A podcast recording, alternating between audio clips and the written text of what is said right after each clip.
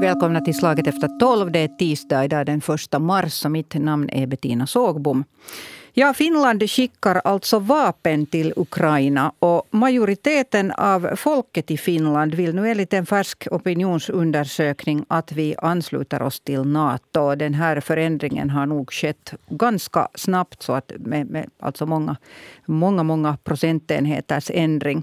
Ja, hur hamnar vi här och vad händer nu? Det här så ska vi diskutera och analysera här i Slag efter tolv idag. Och jag har nu samlat ihop en riktig expertpanel.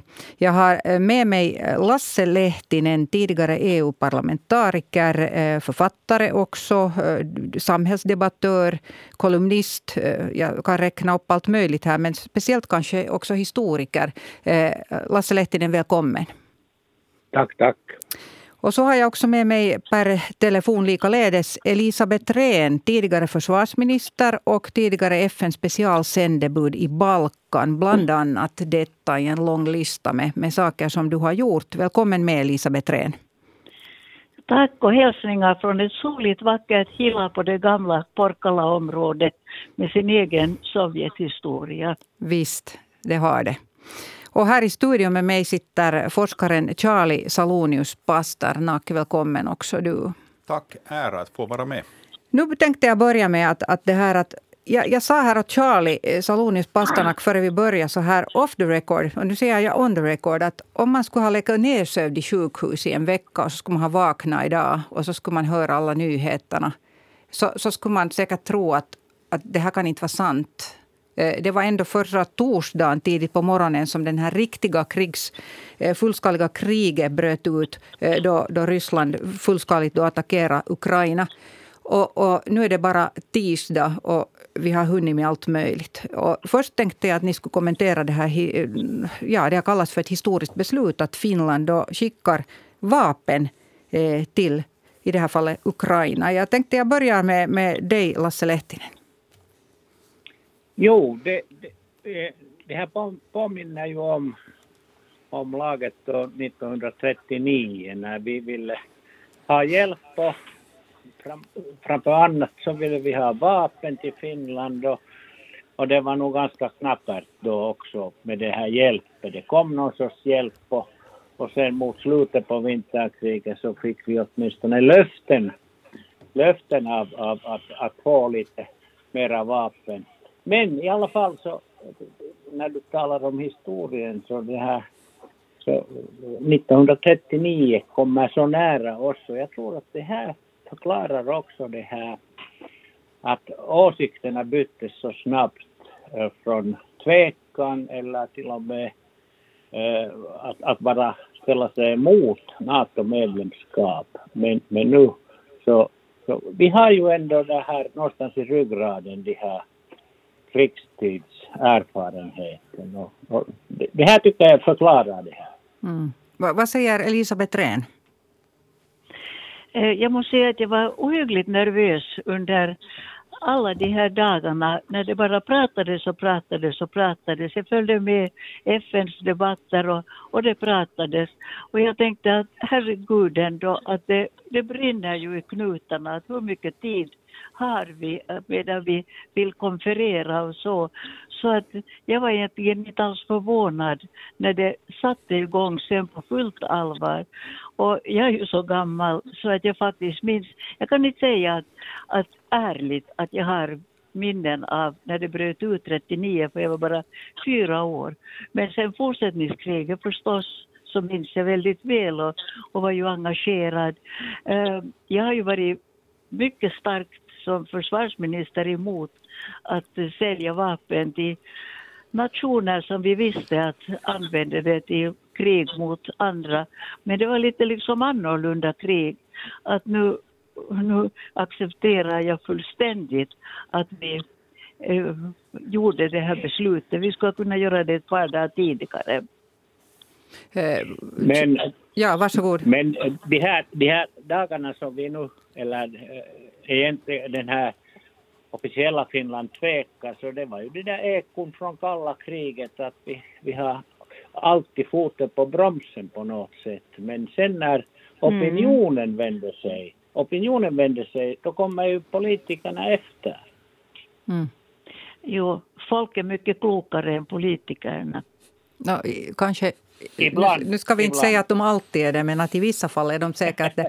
Jag jag inte ta upp exempel på, på det här nu. Men, men Charlie Salonius-Pasternak, eh, vad tänker du om det här beslutet? Jag menar, nu talar man om att man tvekar, men visst ska ju ett sådant beslut också eh, på något sätt, man måste ju någon, någon form av enighet inom också regeringen. Man kan ju inte, det, det är ju så där för en privatperson går det ju väldigt lätt att bestämma att nu gör jag så här, men eh, politik är lite annorlunda. Va, vad tänkte du? Det där, först, jag tänkte kommentera om det här att om man skulle ha det där varit i koma. Så, jo, alltså själv måste jag säga för att det där på mitt bingokort ett vecka sedan, en vecka sedan var definitivt inte det här som Tyskland nu har sagt att de kommer att göra gällande sitt försvar och definitivt, definitivt inte att EU skulle använda sin så kallade liksom fredsfond för att betala för jaktplan för, plan för Ukraina. Så det, det berättar väl kanske om de här gigantiska förändringar som jag skulle nästan påstå redan nu att säga att det är ganska historiska med tanke på Europa och, och, och hur EU och andra kommer att kanske här i framtiden förändras. Um, det här byggde ju på nog trycket. Inte bara att finska folket verkar just ha den här um, äh, ryggmärgsminne av finska erfarenheter från, från vinterkriget. Var dock förstås i finska myten blev vi ju helt äh, lämnad isär, fast Sverige donera en tredjedel av, av flygvapnet med mera. Men jag tror att både den här, ska vi säga, folkets och sen den här internationella kontexten, när Tyskland förändrar sig, när Sverige gör det, så det där skulle det ju ha varit underligt om finska regeringen skulle ha sagt nej och säkert blev det lite press att göra besluten relativt snabbt. Um, för att sen om man är den absolut sista, så då, det där, då, då ser det ju på finska sådär lite selittelymakua vid det hela.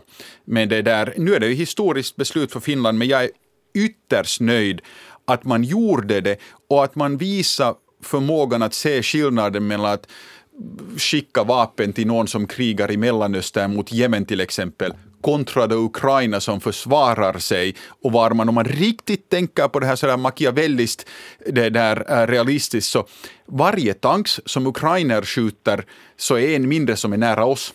Mm. Så där resonerar ju Sverige också. Eh, Precis så där som du sa, sa just. Ja, är det Lasse Lehtinen. Och, Mm. och, och, och, det där, idag kan man ju försvara Finland också i Ukraina. Just det var vad, vad det där Salonius-pastorna sa här tidigare, att, att, att det här förstår man nu idag. Ja, eh, det där, eh, jag måste eh, då poängtera ännu här att, att den här Också vår regerings resonemang om det här, alltså också enskilda eh, riksdagsledamöter, enskilda ministrars funderingar och uttalanden, så de har ju ändrat jättefort. Och, och nu betonar jag igen att det är ju alltid bra att tänka efter före man tar beslut, om det finns tid för det. Är det en risk att vi, att vi nu på något sätt i en så här halvpanik alla hossar också? Ja, Charlie. Ja, Elisabeth Rehn får börja. Ja. Ja, det är ju alldeles klart att vi är lite och hossar i panik. Men jag tror nog att det på ett sätt är, underbyggt liksom med tankar från tidigare redan att det här är ju, finns nog ingrott i det här eh, finska folkmedvetande och alla de andra, jag menar Tyskland minsann har upplevt krig. Eh, så att, att det blir nog eh, att liksom det här är nu den historiska tyngden i alla våra sinnen så bryter liksom igenom att nej, att så här måste ju nu göras. Och jag tror nog att det är, att det är en sån här logik som ändå finns starkt där så att, att om det tas lite snabbt så så kanske det går att rätta till vissa saker som har varit fel. Men så som vi ser på utvecklingen idag, timme för timme, minut för minut i, i det där Ukraina så behövs ju varje insats nu blixtsnabbt och jag är otroligt glad för alla de där privata insatserna av hjälp som redan har kommit fram att eh, det här är så som vi ska handla. Absolut, det var ju ska vi säga, de första det där eh, stödpaketen även med militär skyddsmaterial som for från Finland. Det var ju privata uh, människor och grupper som hade samlat ihop de här pengarna, anskaffningen och sådär. Så det, där, det är nog starkt och igen, vi, har, vi såg ju det här under, under, runt vinterkriget i Sverige också. Uh, så jag tror att den här finns nog den här faktiskt som på många olika sätt nämnd, den här känslan att man vet att det här är den moraliskt rätta saken att göra. Och sen får man fundera om att ska man fortsätta det och, och liksom, vad ska man göra i framtiden? Men jag tror att den här ryggmärgskänslan att, att det här var rätta saken att göra och beslutet måste göras snabbt var, var ganska klar. Nu, nu när vi... Putin, ja, varsågod. Putin han har ju lyckats förena Finland, förena Europa och till och med förena USA. Så lyckligtvis så hossar vi nu åt samma håll. Det, det, är det, det, är absolut sant. idag på morgonen tror jag jag läste, läste att Australien även, även ska skicka det där äh, vapenstöd. Så, och, och, Japan har ju kommit in, fast Japan har vissa ekonomiska frågor i det här. Så det är nog, inte kan man säga hela världen, men om man tittar på Ukrainas vändlista och jämför det med Rysslands, var Kina sitter på sina händer och sen blir det kvar väl Nicaragua, Syrien, Nordkorea. Nordkorea, så det, det, är liksom, jag vet nog vilken grupp jag vill att Finland hör till. Eh, har det där Indien tagit redan klart eh, det där sida eller sitter de också lite på händerna? De, de, de sitter nog på händerna, ja det där. Jag tror att de hade någon snabb vision att de skulle kunna agera här liksom mellan diplomatisk person, men det där, mm. inte vad jag har sett att de, de skulle ha gått med som Japan, Australien med mera.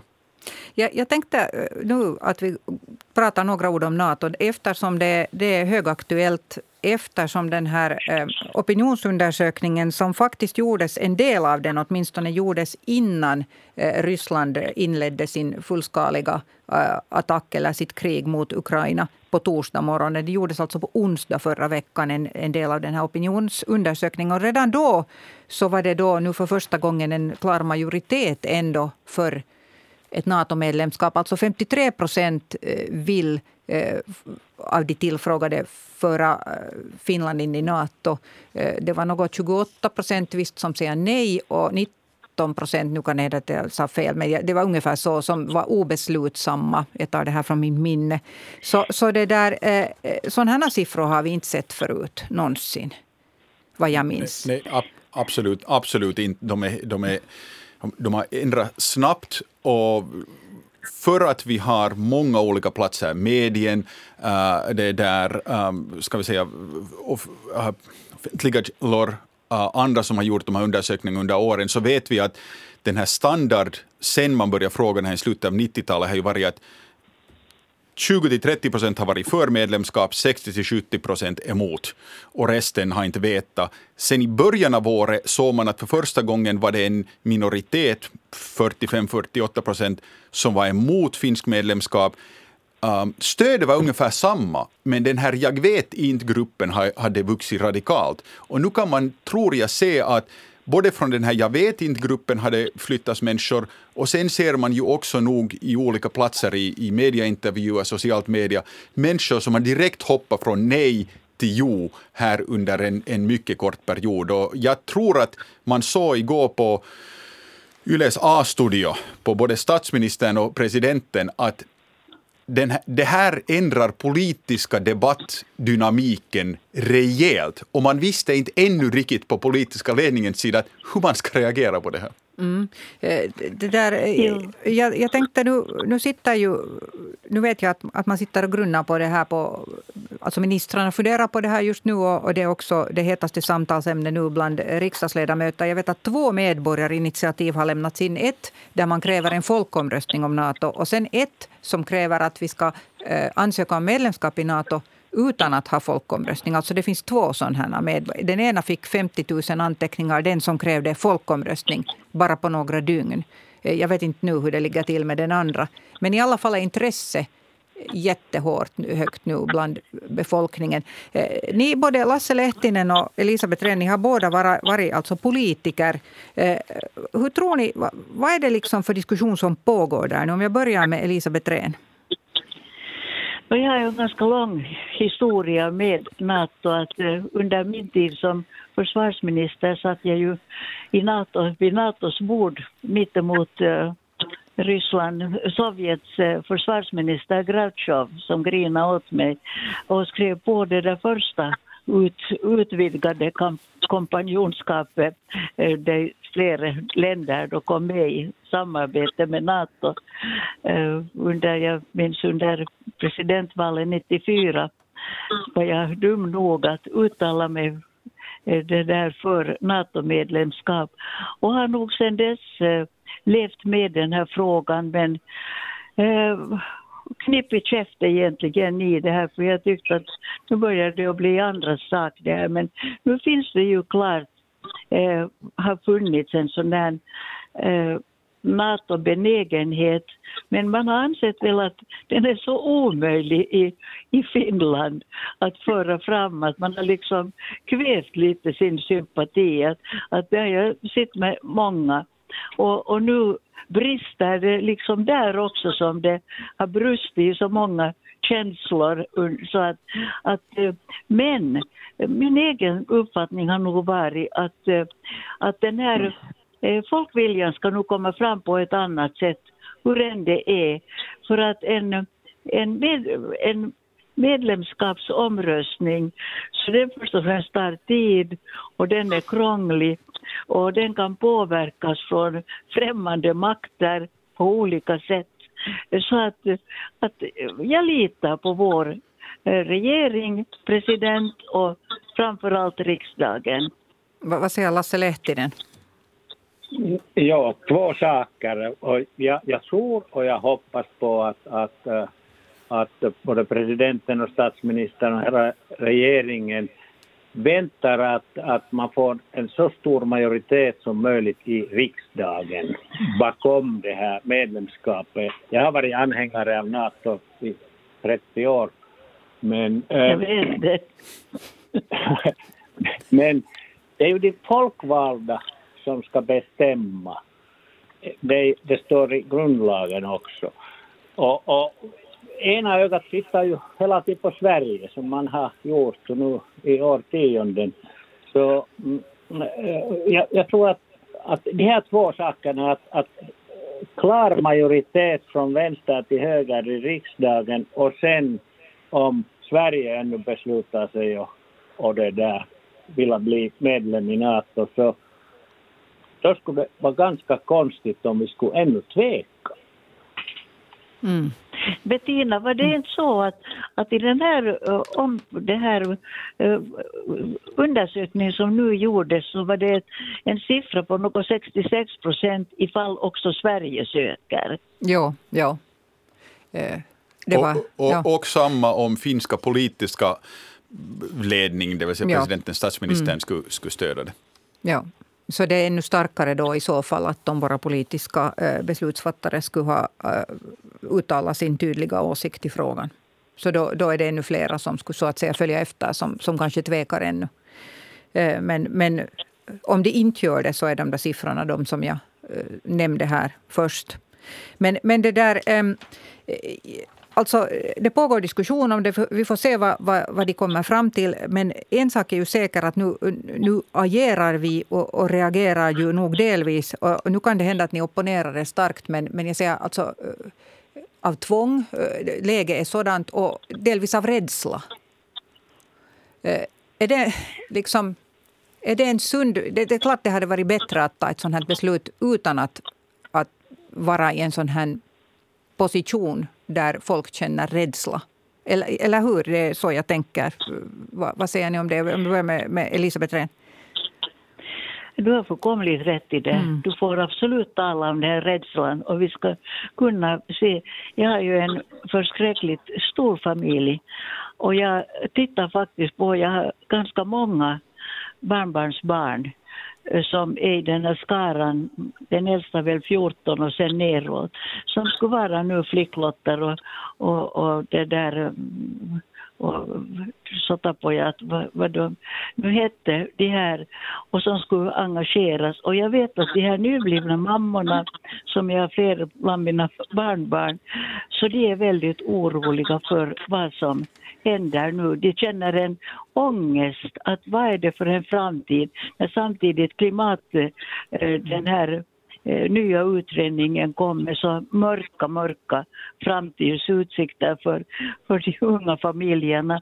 Så jag tror att vi, det viktiga för oss är att erkänna rätten till rädsla, men ändå lugna ner diskussionen, vilket vi nu inte har gjort nu idag här. Men mm. i alla fall lugna ner för att nu gäller det faktiskt att, att inte eh, skrämma eh, människorna för att tro på sin framtid. Vad, vad säger ni? Vi, ja. Och sen måste vi också följa med vad som händer i Ryssland. Att, det där, att kan Putin nu liksom försvara sin ställning för evigt? Och, och, och, och sen vad betyder det att kanske de här oligarkerna blir nervösa på honom? Är det Swift eller Fifa som orsakar mera problem för ryssarna? Eller det finns alla möjliga nyanser också här i den här krisen.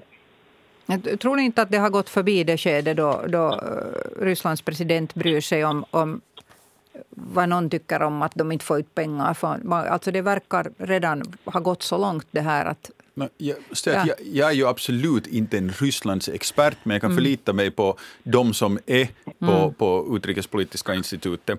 Och ett perspektiv som, som vi har diskuterat mycket om uh, är att äh, inte, man har ju sagt att Putin är, är, är liksom strategiskt okunnande och, och, det kan man ju tänka sig när man jag säger, vilken reaktion och hur, hur han har förenat, som vi har diskuterat här, Europa och, och, och, kanske USA och Finland och så vidare.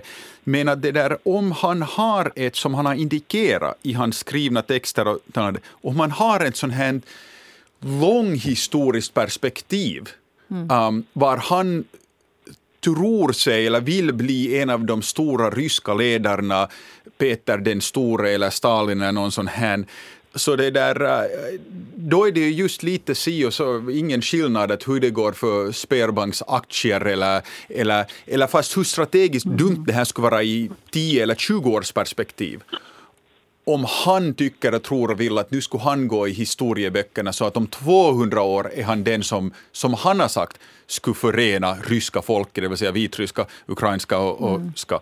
Det där, um, och jag tror att det här är säkert helt bra att komma ihåg. Samtidigt det här med, med att man är rädd. Jag tycker att det var oerhört viktigt att statsministern sa något igår som är uppenbart säkert för alla av oss som sitter här. Men att den enskilda ryska, uh, rysktalande eller ska personen som, som går till skolan här i, i, i Finland eller går till en butik, att de måste lämnas i ro. Och, och, att all möjlig aggressivitet eller, eller, eller annat så har ingen plats i vårt samhälle mot de här människorna. Mm. Um, det, det, är en betydande del som har flyttat från Ryssland till Finland eller till Sverige för att komma bort därifrån. Och nu om vi, eller ens en liten del av finska folket, skulle reagera aggressivt mot de här, så det, det leder ju inte till något väl och det säger inte något bra om oss heller. Mm. Elisabeth Absolut, du har absolut rätt. Mm. Ja. Ja. Jag, tänkte, jag skulle vilja hinna ännu här lite reda ut hela den här situationen så tillvida att, att ställa den här frågan att hur i fridens dag hamnar vi här? Och jag, jag, måste säga att jag, jag själv har vakat massor, för jag kan inte sova. Jag sitter och läser allt. Nu har jag läst allt om Ukraina här, för suttit uppe sen klockan tre i natt. Och, och det där, jag vet, det är helt galet, ni får säga det.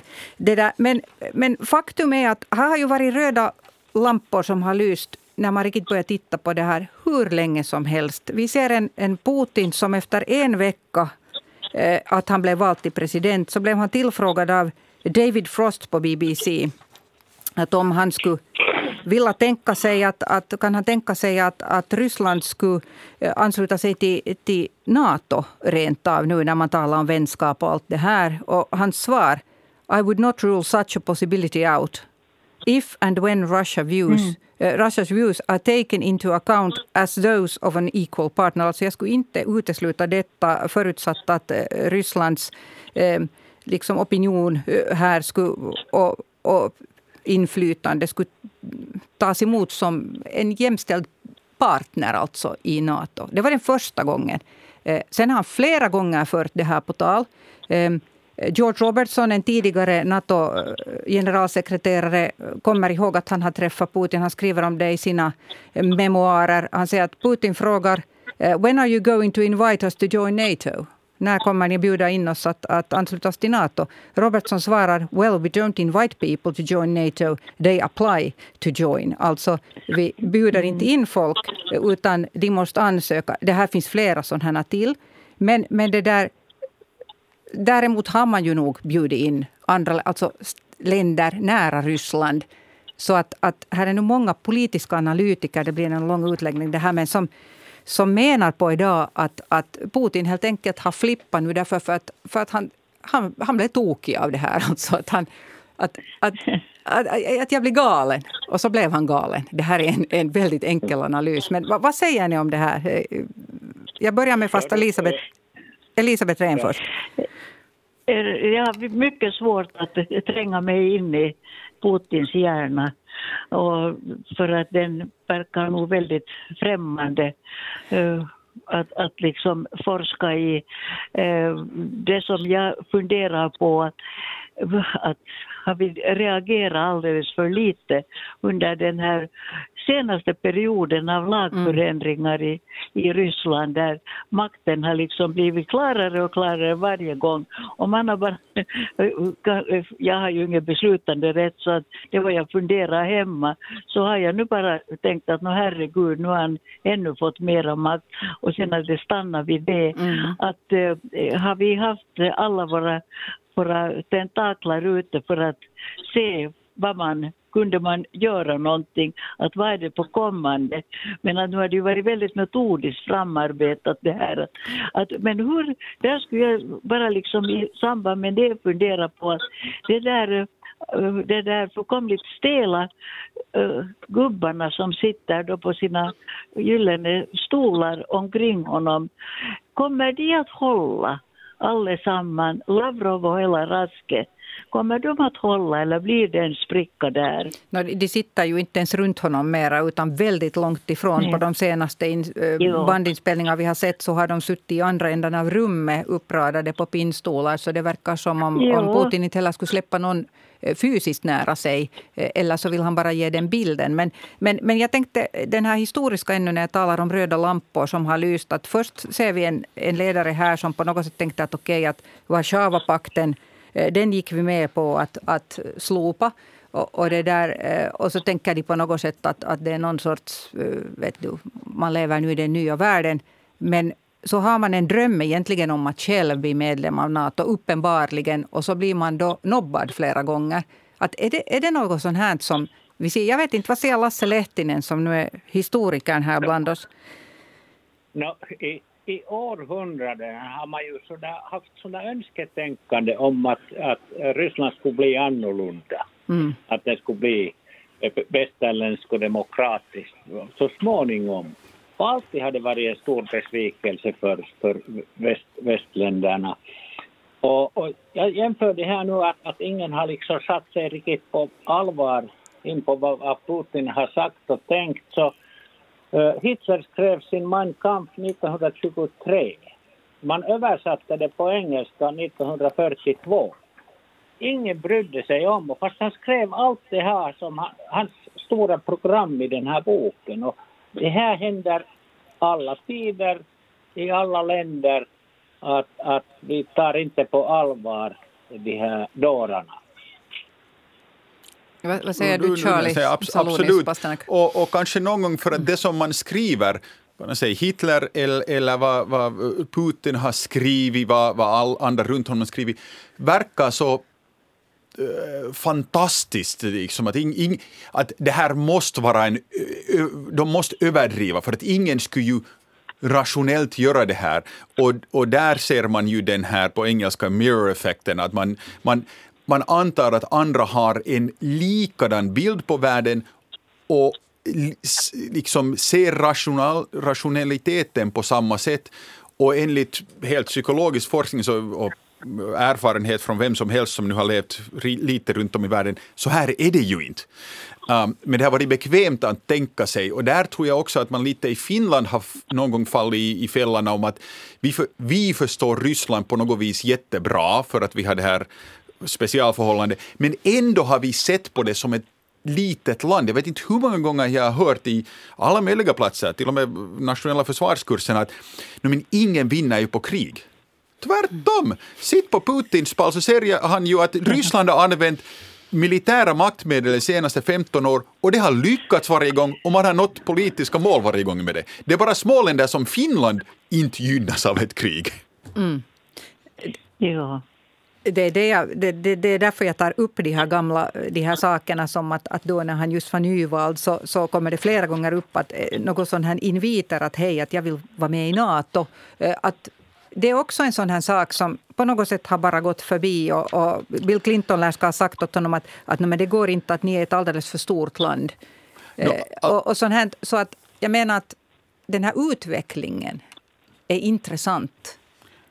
Verkligen. Den är mycket intressant ja. på det sättet att, att det där, eh, du säger att han är ledsen när han inte har blivit inbjuden. Kränkt kanske. Att de här som har, jo, eh, de där som har, har det där fått en som man har berättat åt att dörren är öppen, sådana mm. som Finland.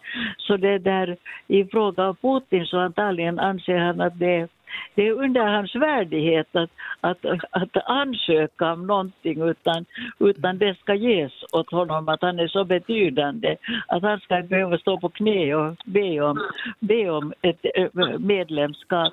Eh, men det är ju svårt att veta vad som, vad som eh, man tar illa upp för och hur man sen förverkligar det som ledare i, ett, i en enorm krigsmakt. Ja, just så där. Och, och sen, sen är det ju varje person ska tänka, fundera på att om nu det där den bo, skolboven känner sig kränkt så behöver man ju inte alltid det där försöka gå till uh, lags med dem. Men, men jag tror absolut så att Putin ser att inte det liksom, han ska bara kunna gå in i det här. Tanken att något liten före detta Warszawpaktland skulle måste säga jo för att stora Ryssland skulle få komma med. Så, så det, det måste ju kännas hemskt. Och därutöver tror jag att han på riktigt menar när han sa att jämbördiga med USA. Ja. Han ville att Ryssland har en likadan roll i Nato som USA har. Och en symbol av att vara en stormakt är att alla andra NATO-medlemmar står under det. Det här är hur jag tror att han hade tänkt och hoppats att det är USA och Ryssland och sen alla andra de här små skräpländerna ungefär. Mycket klokt, ja.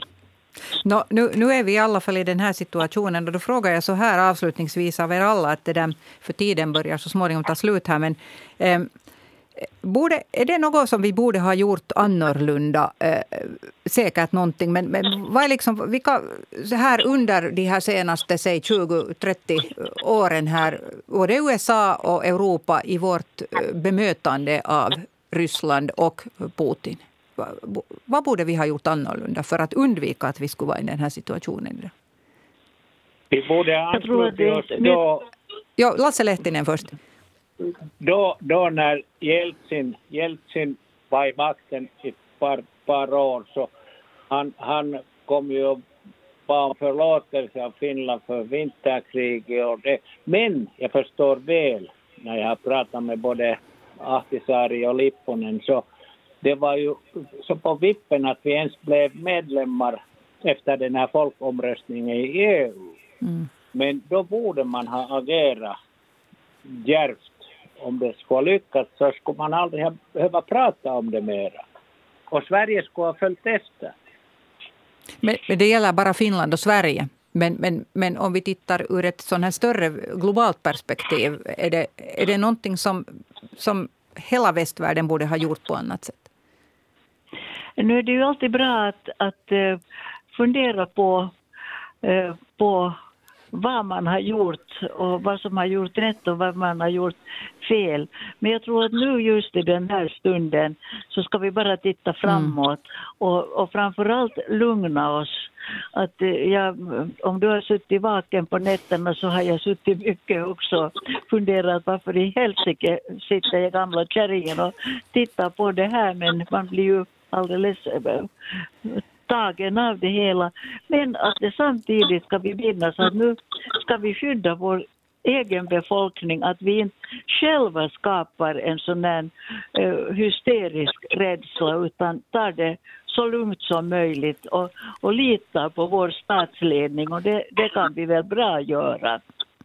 Eh, eh, Charlie sitter här och sätter tummarna upp för det som du sa just. Hundra procent, absolut. Jag, det här är vad jag har sagt åt de nära och kära och, och intervjuer från, från HBL Junior till, till andra är att ta, ta hand om sig själv och de, de som är nära, oavsett om det är vänner eller, eller familj. Um, det, det där och, om, om man nu några gånger per dagarna vill gå och titta på en, en någon nyhetssajt mm. som ger kontexten så tror jag att det säkert räcker för största delen. För, för på grund av jobbet så måste jag kanske följa det lite mera med det där. Men sen behöver man kanske inte gå till socialt medien. Jag, jag, tyvärr tror jag att det inom närmaste dagarna kommer att börja komma mera sån material som, som man sen, när man har en gång sett det så kan man inte glömma det. Så det där, mm. jag, jag tror att ta hand om sig själv och de som är nära så är viktig fokus. Och förstås i Finland sen på många olika sätt, alla på sina egna sätt, jobba för att förbereda samhället så att det inte går så här mm. på något sätt. Uh, det där. Jag känner äh, många olika personer, det där, uh, en, nämna henne, men som jobbar med till exempel befolkningsskydd, borde ha gått i pension lång tid sedan, men jobbar varje dag stenhårt för det att den lilla komponenten skulle vara i skick om det någon gång skulle behövas. Så, så tror att om, om, man fokuserar på det som man själv kan göra och påverka så det är jätteviktigt. Och där kommer ju det här in med att hjälpa, hjälpa ukrainska flyktingar vilket har visat väldigt stor vilja, inte bara i Finland utan runt om i, i Europa. Jag måste nu berätta bara eftersom det kom en bulletin här in, sån här när jag är en nyhetsjunkie som aldrig blir frisk från det tydligen. En brittisk general har precis just uttalat sig, general Richard Barons, för BBC och sagt att om de fortsätter, Ryssland fortsätter bomba civila äh, mål så kan Nato komma att äh, ingripa, alltså helt ja. bokstavligen i Ukraina.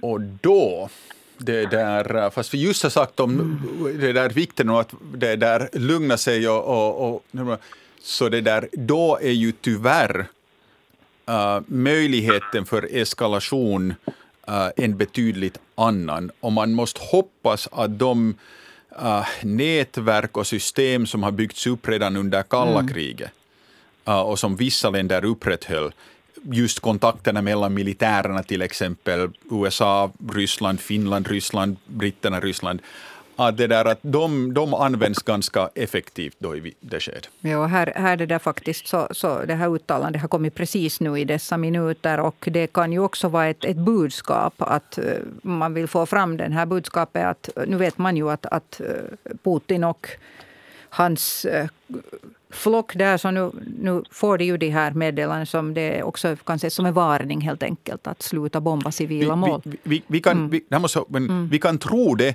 men hur de läser det här Visst, är något helt, helt annat. Vi kan tänka att men den här, det, det här kanske påverkar deras tankar och, och de, de slutar då det där uh, anfalla och bomba civila. Tyvärr är det Deras så att... narrativ är ett helt annat. Det kan gå precis tvärtom. Ja. Det, det, är just det kan det. gå precis tvärtom. Mm. Det är just det. Deras narrativ är helt annat. Det är ju det som är problemet. Så man, deras sanning är en annan. Och det, och det är så enormt tragiskt att, att det har eh, gått till det här. Det där, jag skulle kunna prata med er kloka människor hur länge som helst men tyvärr tar tiden slut. Så jag får tacka er. Lasse Lehtinen, Tack för att du medverkar i den här diskussionen. Tack Elisabeth Rehn och tack Charlie Salon. Jo, tack, tack Charlie Salonius Pasternak. Tack så eh, mycket. Vi får säkert anledning att återkomma till det här ämnet. Eh, trist nog, många, många gånger än. Men, men det där, imorgon är det i alla fall en ny debatt, diskussion här. Samma tid, samma kanal. Försök ha en god Ha en bra dag. Ja, ut i, ut i solen.